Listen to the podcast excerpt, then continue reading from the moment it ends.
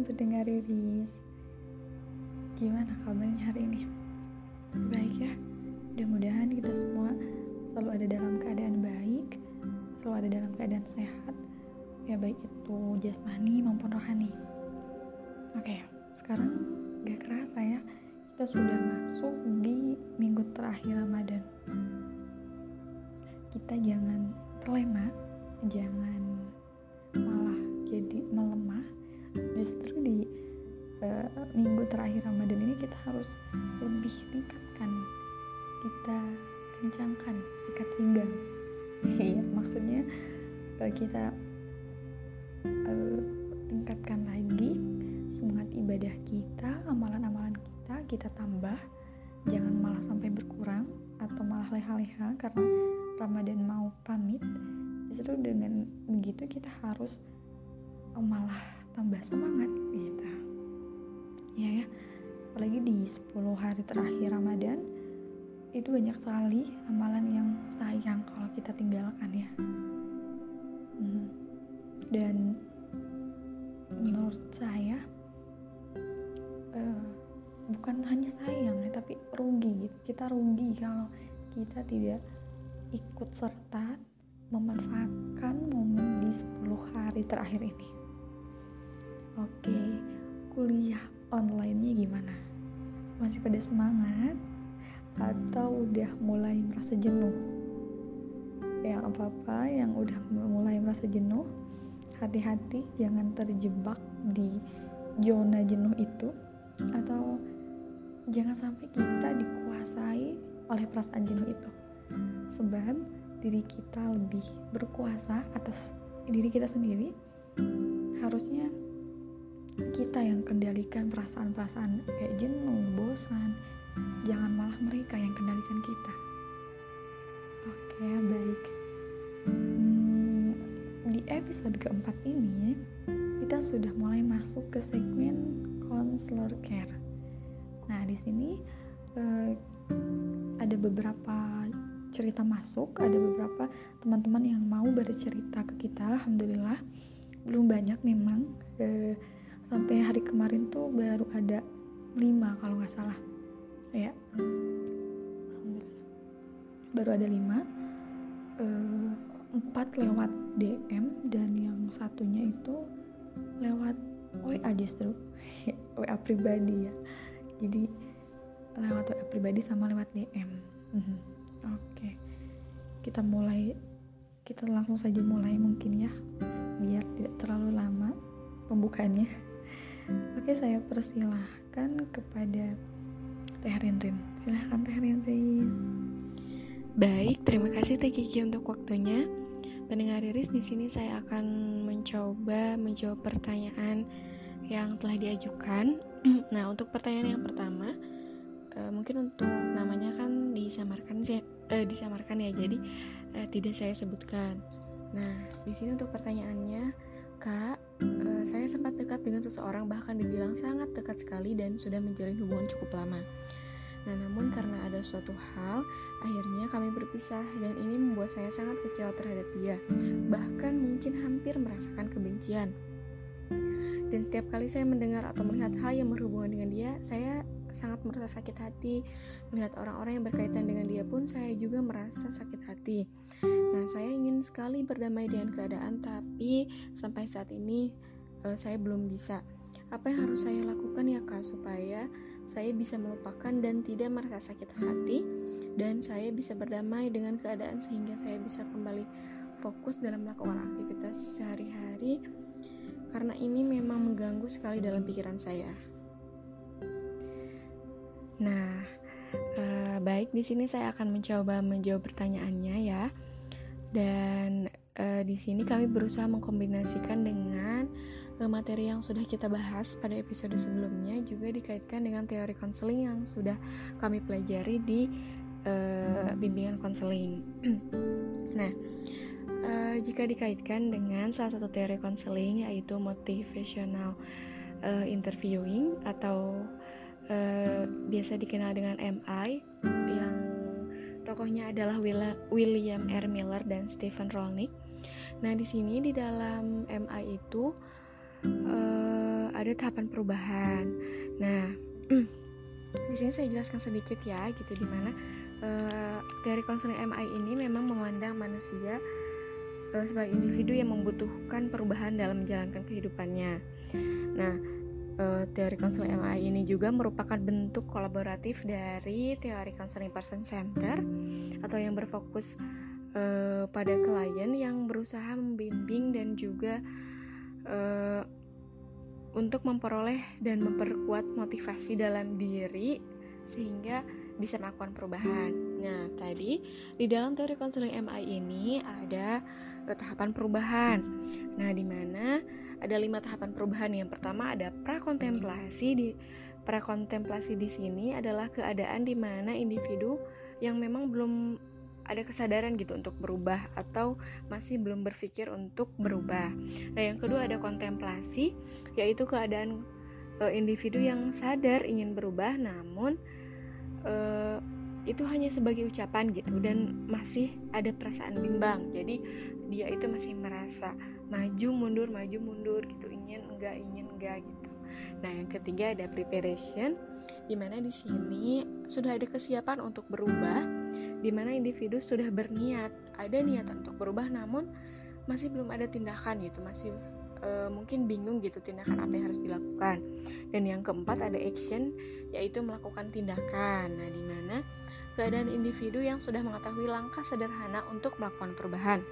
Dan yang terakhir ada maintenance yaitu individu yang sudah mampu bertahan pada perubahannya dan mampu mengembangkan dirinya bahkan bisa menjadi jauh lebih baik. Nah, jika dilihat dari uh, tahapan perubahan pada MI ini yang uh, saya lihat gitu ya, uh, kasus pada pendengar rilis ini mungkin sudah ada pada tahap preparation di mana uh, sudah ada kesiapan untuk berubah, sudah ada keinginan untuk berubah, namun mungkin masih uh, ada kebingungan apa yang harus dilakukan karena uh, apa ya masih belum bisa menentukan langkah seperti itu. Nah, di sini uh, maka yang bisa dilakukan gitu ya untuk langkah pertama yaitu uh, bulatkan niat terlebih dahulu gitu ya. Uh, bulatkan niat kita untuk memang ingin berubah bulatkan niat kita untuk mau memaafkan gitu terhadap orang yang kita sakit orang orang yang menyakiti kita. Nah oh iya eh, tadi juga perlu digaris bawahi ya. Tadi kan eh, pendengar rilis menyebutkan ingin melupakan. Nah di sini kan pada dasarnya apalagi kita sudah menjalin hubungan dengan seseorang ya tentu kan sudah banyak kenangan banyak hal-hal yang sudah kita lewati dan itu tentu tersimpan di dalam memori. Maka uh, saya bilang ini ya kita tidak bisa melupakan gitu, tapi setidaknya setiap rasa sakit yang mungkin muncul ketika kita dihadapkan dengan orang tersebut itu bisa dikurangi bahkan bisa dihilangkan. Jadi perlu digarisbawahi ya, karena itu kan sudah uh, terekam dalam memori kita, jadi tidak bisa dilupakan, orangnya tidak bisa dilupakan, kenangannya tidak bisa dilupakan. Jadi yang bisa dilakukan adalah meminimalisir rasa sakit itu bahkan kita bisa menghilangkan rasa sakitnya. Nah, tadi untuk yang pertama mungkin kita harus e, benar-benar berusaha untuk membulatkan tekad nih, membulatkan tekad untuk memang mau berubah gitu. Nah, selanjutnya e, pada episode episode kedua yang kita membahas mengenai kecemasan, e, salah satu dari tim kami sudah menjelaskan mengenai jurnal pikiran gitu ya. Nah di sana ada apa ya sudah dijelaskan mengenai situasi, uh, pikiran, perasaan dan juga tindakan. Nah di sini uh, jika mungkin saya analogikan gitu ya terhadap kasus pendengar di sini. Nah misalkan uh, situasinya adalah pendengar uh, dihadapkan dengan bertemu dengan si X ya atau orang yang mungkin menyakiti pendengar di sini. Situasinya bertemu dengan X. Nah, pikiran mungkin ya pikiran yang muncul misalnya seperti ini. Saya benci dia, dia telah menyakiti saya gitu. Nah, setelah pikiran itu muncul maka kan muncul perasaan ya ada perasaan marah perasaan kesal mungkin ada perasaan benci juga nah setelah itu tindakannya uh, di sini mungkin yang muncul ada uh, tidak fokus dalam menjalankan dalam menjalankan aktivitas sehari-hari dan juga bisa menangis Nah ini uh, saya analogikan saja ya gitu nanti mungkin pendengar Iris bisa uh, sesuaikan dengan situasi pikiran perasaan dan tindakan yang biasa dilakukan oleh pendengar Iris atau yang biasa dirasakan. Nah ini uh, saya hanya mengibaratkan saja. Nah tadi kan uh, sudah kita ketahui ya bahwasannya situasi kan tidak dapat dirubah. Nah dan yang dapat dirubah adalah pikiran karena dari pikiran ini mampu mempengaruhi perasaan dan tindakan kita. Maka dari itu tadi kan pikiran yang muncul, uh, misalnya saya benci dia, dia telah menyakiti saya, gitu. Uh, saya tidak ingin uh, bertemu dia, saya tidak ingin dekat-dekat dengan dia, ya atau apa pun itu pikiran-pikiran negatif yang mungkin muncul dalam pikiran pendengar iris. Nah, maka dari itu perlu ada sesuatu yang dirubah dari pikiran kita. Di sini, uh, misalkan saya rubah uh, menjadi pikiran yang lebih positif. Nah, uh, pendengar di sini kan apa ya sudah ada keinginan gitu ya, namun mungkin uh, apa ya masih belum begitu benar-benar uh, utuh gitu ta. Nah, jadi di sini bisa dirubah dengan kata-kata saya bisa dan mampu untuk mengikhlaskan apa yang terjadi pada diri saya. Nah, diperkuat juga e, dengan sebuah alasan misalnya karena saya adalah pribadi yang lapang hatinya dan besar hati untuk memaafkan. Ini sekali lagi bisa diganti dengan saya bisa dan mampu untuk mengikhlaskan apa yang terjadi pada diri saya karena saya adalah pribadi yang lapang hatinya dan besar hati untuk memaafkan. Nah, maka eh, pendengar Riz di sini bisa melakukan itu, bisa mengucapkan itu berulang kali e, sambil memejamkan mata, rileks lebih dahulu, bisa dengan tarikan nafas terlebih dahulu untuk bisa fokus sehingga bisa perkataan-perkataan itu sampai e, melekat pada hati pendengar Iris, melekat pada ingatan pendengar Iris. Gitu. Lakukan dan sugestikan perlahan-lahan pada diri pendengar Iris e, sehingga itu setiap kali mungkin pendengar Riris dihadapkan dengan situasi yang sama, maka muncul pikiran-pikiran itu. Dan ketika mungkin pikiran pikirannya sudah diarahkan ke hal yang lebih positif, bisa uh, mengarahkan pendengar Riris kepada perasaan dan juga tindakan yang lebih positif juga. Nah, uh, mungkin eh, secara garis besarnya seperti itu. Nah, selain itu juga kemarin kan kita juga sudah bela sudah belajar ya mengenai tahapan-tahapan Nah, mudah-mudahan mungkin dari kita mengarahkan pikiran kita supaya uh, bisa uh, lebih berpikir positif setelah kita uh, ada di fase memikirkan untuk memaafkan. Nah, mudah-mudahan kita bisa sampai kepada di, di penifase gitu ya, di mana uh, ada internalisasi kebermaknaan dari pemaafan itu sendiri. Nah, pendengar juga di sini kan tentu tidak mau ya terus apa ya terus-terusan gitu ya di dalam itu hati itu merasa sakit hati merasa ada perasaan amarah perasaan dendam perasaan benci ya tentunya kan itu tidak ada kebermaknaan tidak ada kebermanfaatan tentunya ya pada diri pendengar iris.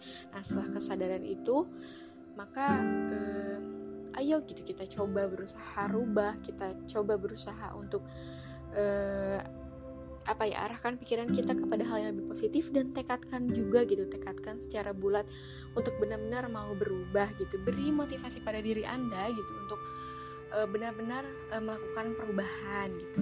Nah mungkin uh, secara uh, uh, garis besarnya seperti itu. Dan apa ya penting juga gitu ya untuk kita jika mungkin kita merasakan sakit hati uh, harus ada kontrol emosi ya, kontrol perasaan. Jika mungkin kita sakit hati karena si X, mate. Nah, jangan sampai uh, perasaan sakit perasaan sakit hati itu juga apa ya bisa berimbas kepada orang-orang di sekelilingnya gitu.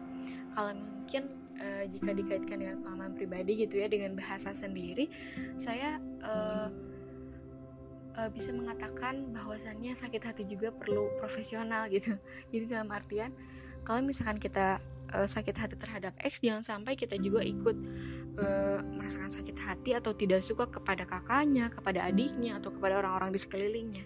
Ya kalau misalkan kita punya masalah terhadap si X ya sudah hanya dengan si X saja gitu. Jangan sampai itu berimbas kepada orang-orang di sekitarnya karena kan yang yang melakukan kesalahan ya hanya si X gitu. Orang-orang di sekitarnya tidak tahu, tidak melakukan apa pun. Nah, uh, jadi mungkin itu uh, untuk jawabannya.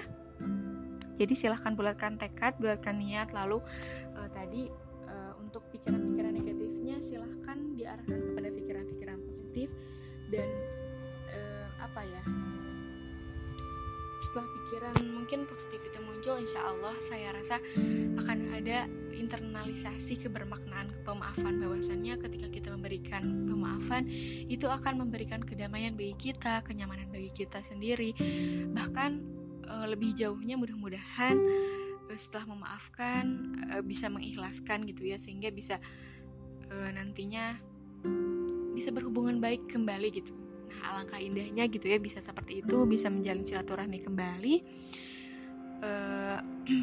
dan terhindar dari rasa-rasa kebencian, rasa-rasa amarah yang ada dalam hati kita. Mungkin itu saja untuk jawaban pertanyaan yang pertama. Nah, untuk selanjutnya uh, pertanyaan yang selanjutnya akan disampaikan oleh Teh. Silakan Teh.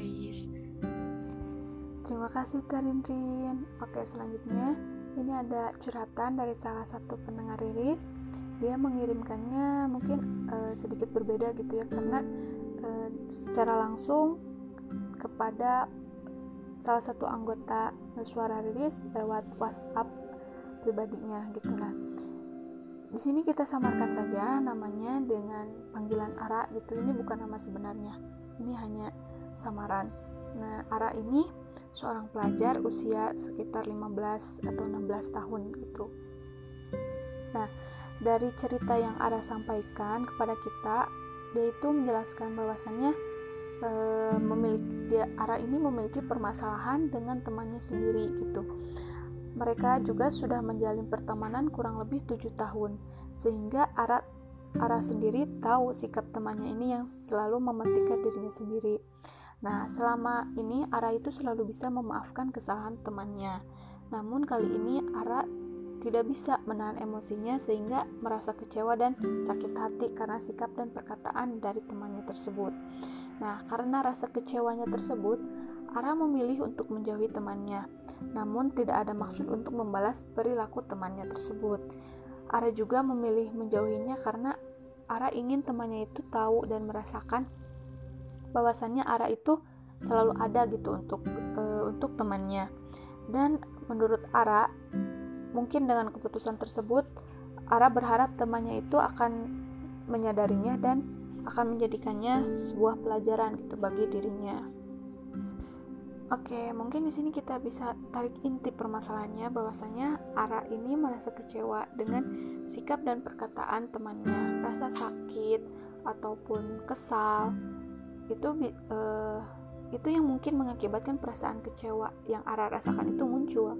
Nah, mungkin juga ini permasalahan yang Ara ceritakan bisa terjadi uh, ataupun bisa dialami oleh pendengar riris lainnya. Nah, sebelumnya kita harus tahu terlebih dahulu gitu dasar kita merasa kecewa itu karena apa?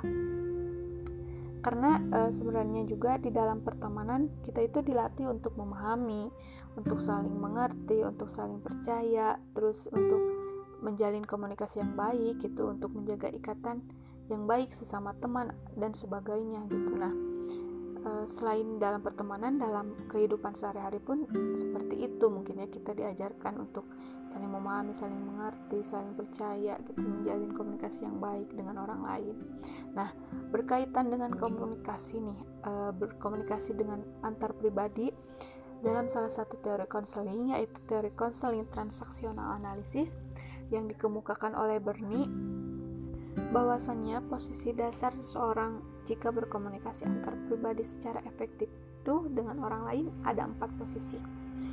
Yang pertama, e, di sini saya akan menjelaskan secara singkat. Yang pertama yaitu I'm okay, you are okay. Di mana posisi ini adalah posisi yang sehat bagi individu. Yang kedua, I'm okay, you are not okay. Posisi ini di mana posisi individu yang menganggap dirinya lebih baik daripada orang lain. Ketiga, I'm not okay, you are okay. Posisi ketiga ini adalah posisi individu yang merasa lebih rendah daripada orang lain.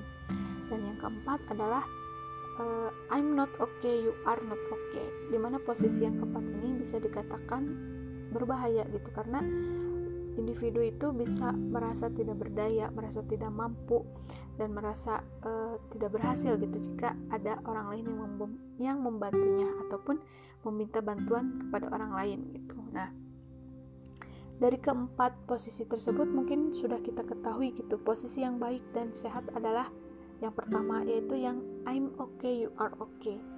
Mengapa I'm okay, you are okay ini dikatakan sehat? Karena dengan uh, I'm okay, you are okay, saya oke, okay, kamu oke, okay, akan menunjukkan adanya suatu keseimbangan yang bersifat konstruktif. Di mana posisi ini menunjukkan adanya pengakuan akan orang lain yang memiliki hak yang sama dengan dirinya. Nah, sehingga nantinya setiap individu itu akan mampu saling menghargai, saling memahami, saling mengerti satu sama lain jika e, terjadi suatu problem atau akan terjadi suatu problem, terkadang individu itu merasa marah, merasa sedih, merasa takut dan sebagainya sehingga memunculkan perasa, perasaan cemas gitu. Itu wajar karena itu sebagian dasar dari emosi manusia. Namun jangan sampai e, cemas yang dirasakan itu berlebihan karena akan menjadi gangguan kecemasan yang dapat mengganggu kesehatan mental. Loh kok bisa ya? Nah, e, kalian sendiri e, sebenarnya sudah mengetahui mungkin jawabannya karena kita juga sudah e, menguploadnya di episode kedua podcast e, suara Reddit di, sini. Nah bagi yang belum e, bisa didengarkan ya. di, e, di sana kita menjelaskan tentang gangguan kecemasan. Nah lalu apa nih kaitannya dengan permasalahan yang Ara ceritakan di sini gitu? Nah ini berkaitan karena bisa saja apa yang uh, Ara rasakan di sini, Ara itu merasa cemas dengan apa yang dipilihnya saat ini. Nah, secara sederhana kecemasan yang dirasakan bisa dikurangi dengan kita mampu saling memaafkan. Karena pemaafan dapat membuat seseorang menjadi kurang cemas, depresi dan merasa gelisah. Dan kita e, tahu juga ya, memaafkan itu bukan saja mampu memaafkan orang lain, namun mampu memaafkan diri e, kita sendiri gitu. Jika kita mampu memaafkan diri sendiri, maka kita juga mampu untuk memaafkan orang lain dengan sendirinya. Nah, lebih jelasnya tentang pemaafan, kalian juga bisa uh, dengarkan podcast Suara Riris di episode ketiga kita gitu biar lebih tahu, lebih paham tentang pemaafan itu seperti apa. Nah, lalu uh, apa nih kaitannya dari kecemasan, pemaafan dan permasalahan yang Ara uh, jelaskan diceritakan tadi?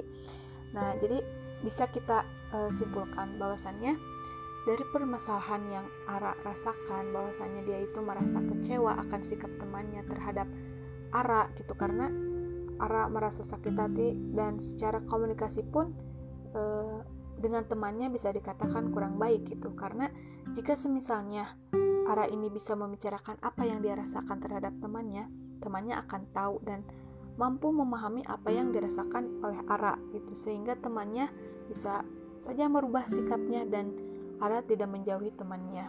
Nah, sehingga uh, Ara pula tidak akan merasakan cemas dalam dirinya.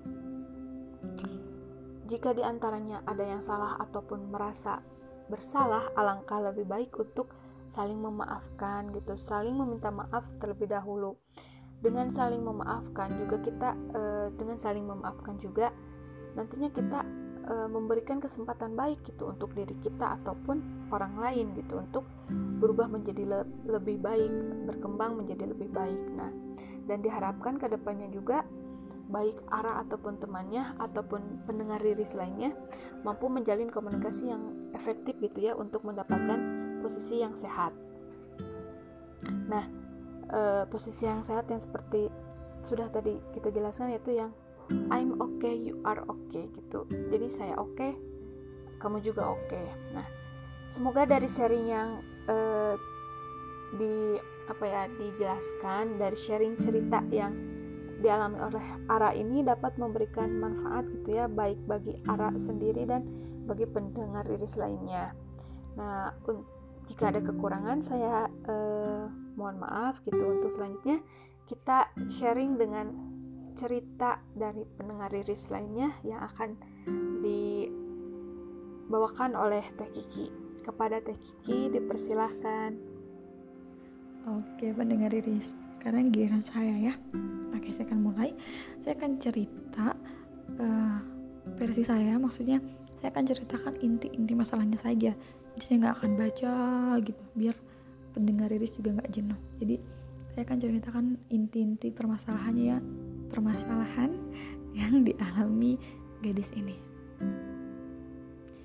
Oke, jadi gadis ini berusia 17 tahun. Harusnya dia duduk di bangku SMA kelas 2. Tapi karena keterbatasan ekonomi dan dukungan dari orang tua, dia tidak bisa melanjutkan sekolahnya. Jadi setelah selesai SMP, dia langsung eh dia tidak melanjutkan sekolahnya gitu ya. Ya. Nah, karena itu, karena kejadian itu, dia menutup dirinya dia menutup dirinya dari lingkungan luar dia juga merasa tidak percaya diri kemudian merasa minder jika harus bertemu dengan orang luar terutama nih terutama teman-temannya saat SMP dia malu karena dia tidak sekolah katanya. Padahal padahal dulu dia termasuk siswa yang uh, pinter mungkin eh bisa dibilang pinter gitu karena dia juga cerita prestasi dia tuh lumayan baik. Ternyata beberapa kali dia juga pernah masuk tiga besar walaupun tidak selalu gitu dia pernah masuk tiga besar. Dia dia juga bilang tidak pernah keluar dari uh, lima besar lah. Tapi paling sering tuh di tiga besar itu gitu. Berarti dia bisa dibilang dia siswa yang pintar gitu ya berprestasi. Dia juga bilang dia punya cita-cita yang tinggi. Dia ingin menjadi seorang guru. Masya Allah cita-cita yang mulia oke okay. karena kejadian itu dia menutup diri dia selalu menghindar ketika ada acara dengan teman-teman SMP-nya baik itu um, bukber atau misal acara kumpul-kumpul biasa gitu dia menghindar gitu dia selalu bikin alasan agar dia tidak datang kemudian selain itu juga yang membuat saya agak hmm, gitu di hati saya dia bilang dia kecewa kepada orang tuanya. Wah saya shock pas bacanya. Oke lanjut dulu cerita ya. Dia kecewa orang tuanya dia menutup diri dan dia lakukan itu tuh perasaan itu tuh berkecamuk dalam dirinya sudah hampir dua dua tahun dan hampir tiga tahun mungkin ya dua tahun hampir tiga tahun pokoknya. Dia merasa dan sekarang dia tuh mulai sadar. Dia mulai terbuka dia mau cerita uh, ke temennya ke saudaranya. Jadi saya kenal dia tuh dari teman saya. Hmm, dia cerita ke saudaranya ini dia minta solusi dia, dia minta pendapat.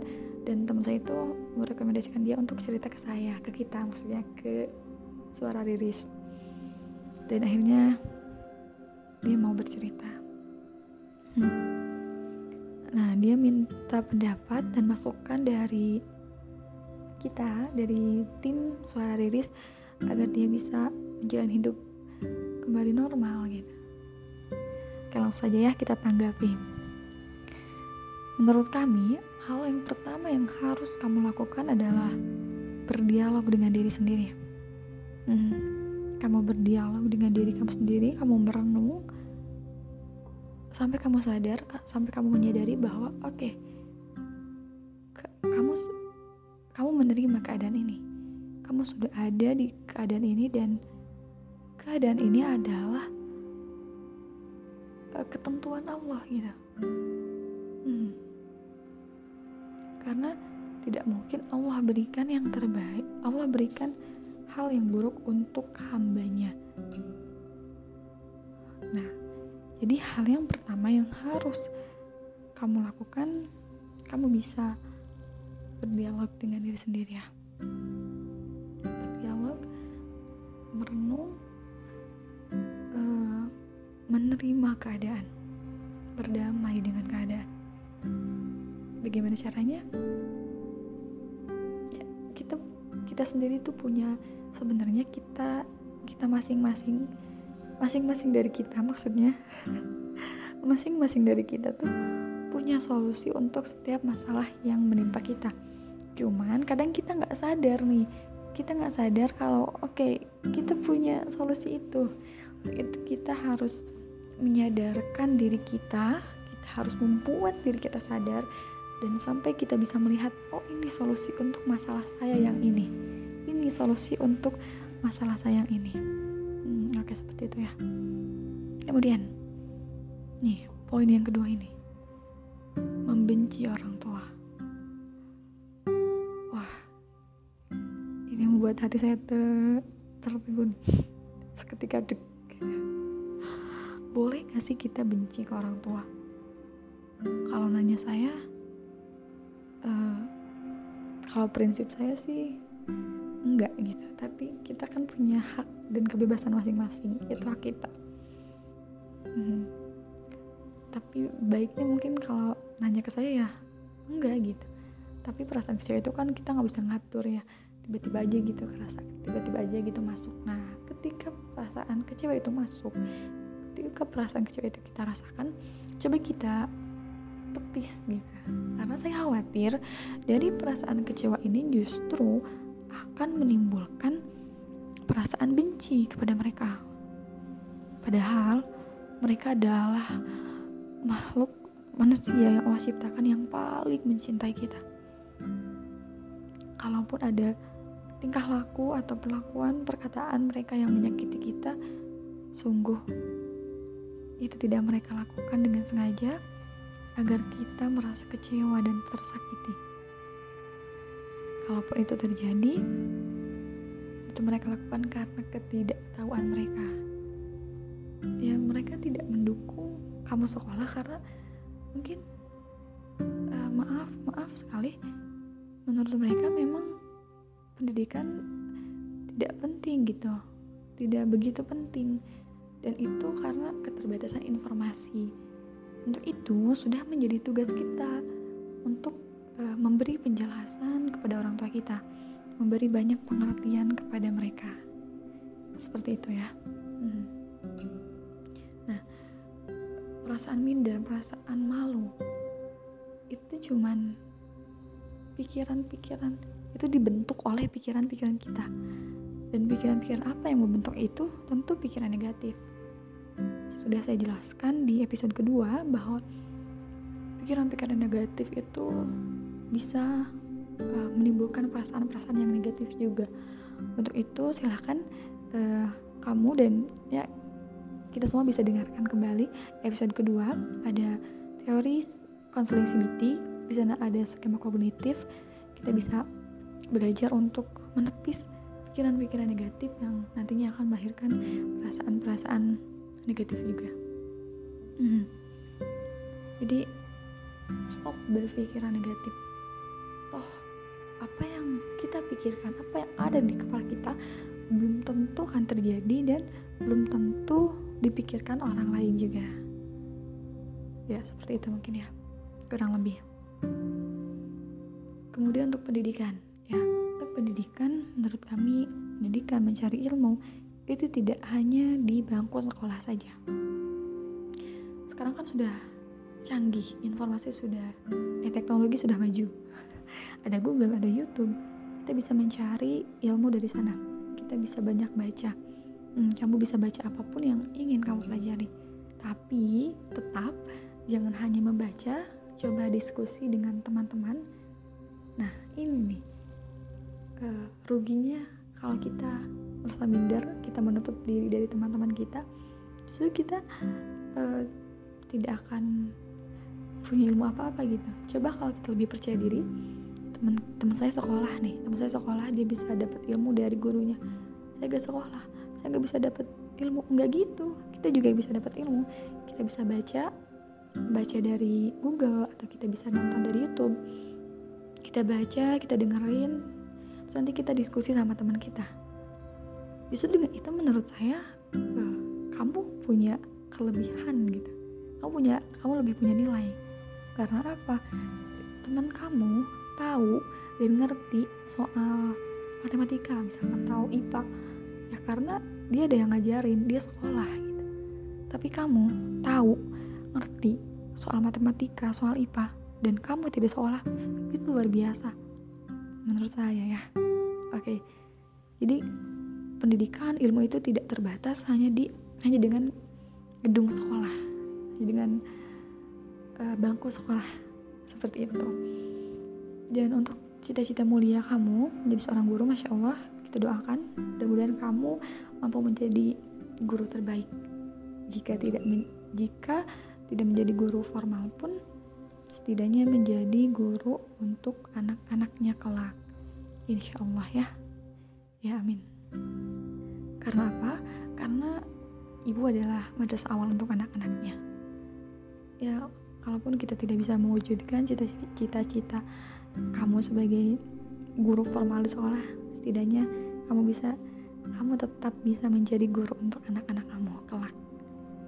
Oke mungkin gitu ya kurang lebih begitu. Tapi intinya nanti kamu coba terapkan uh, skema kognitif yang saya bahas di podcast episode kedua. Oke terima kasih ya cukup ya.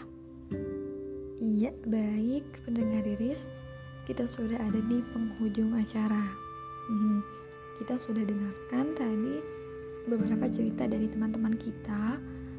Eh, kemudian tanggapan-tanggapannya juga sudah kita sampaikan dan semoga kita bisa mengambil hikmah dari kisah teman-teman kita ini ya. Hmm, jika itu baik, maka kita jadikan itu sebagai contoh untuk kehidupan kita. Jika itu kurang baik, maka kita jadikan pelajaran kita jadikan kisah teman-teman kita ini sebagai pembelajaran untuk kehidupan kita. Nah, untuk itu, mohon maaf jika tanggapan atau masukan dari kami eh, sedikit atau kurang memuaskan. Eh, kami berikan yang terbaik yang bisa kita berikan, kita berikan masukan dan saran yang terbaik yang bisa kita berikan. Maka untuk itu jika ada yang benar maka sepenuhnya itu datang dari Allah. Jika ada yang salah maka sepenuhnya itu datang dari kebodohan kami. Untuk itu saya dan teman-teman saya pamit undur diri.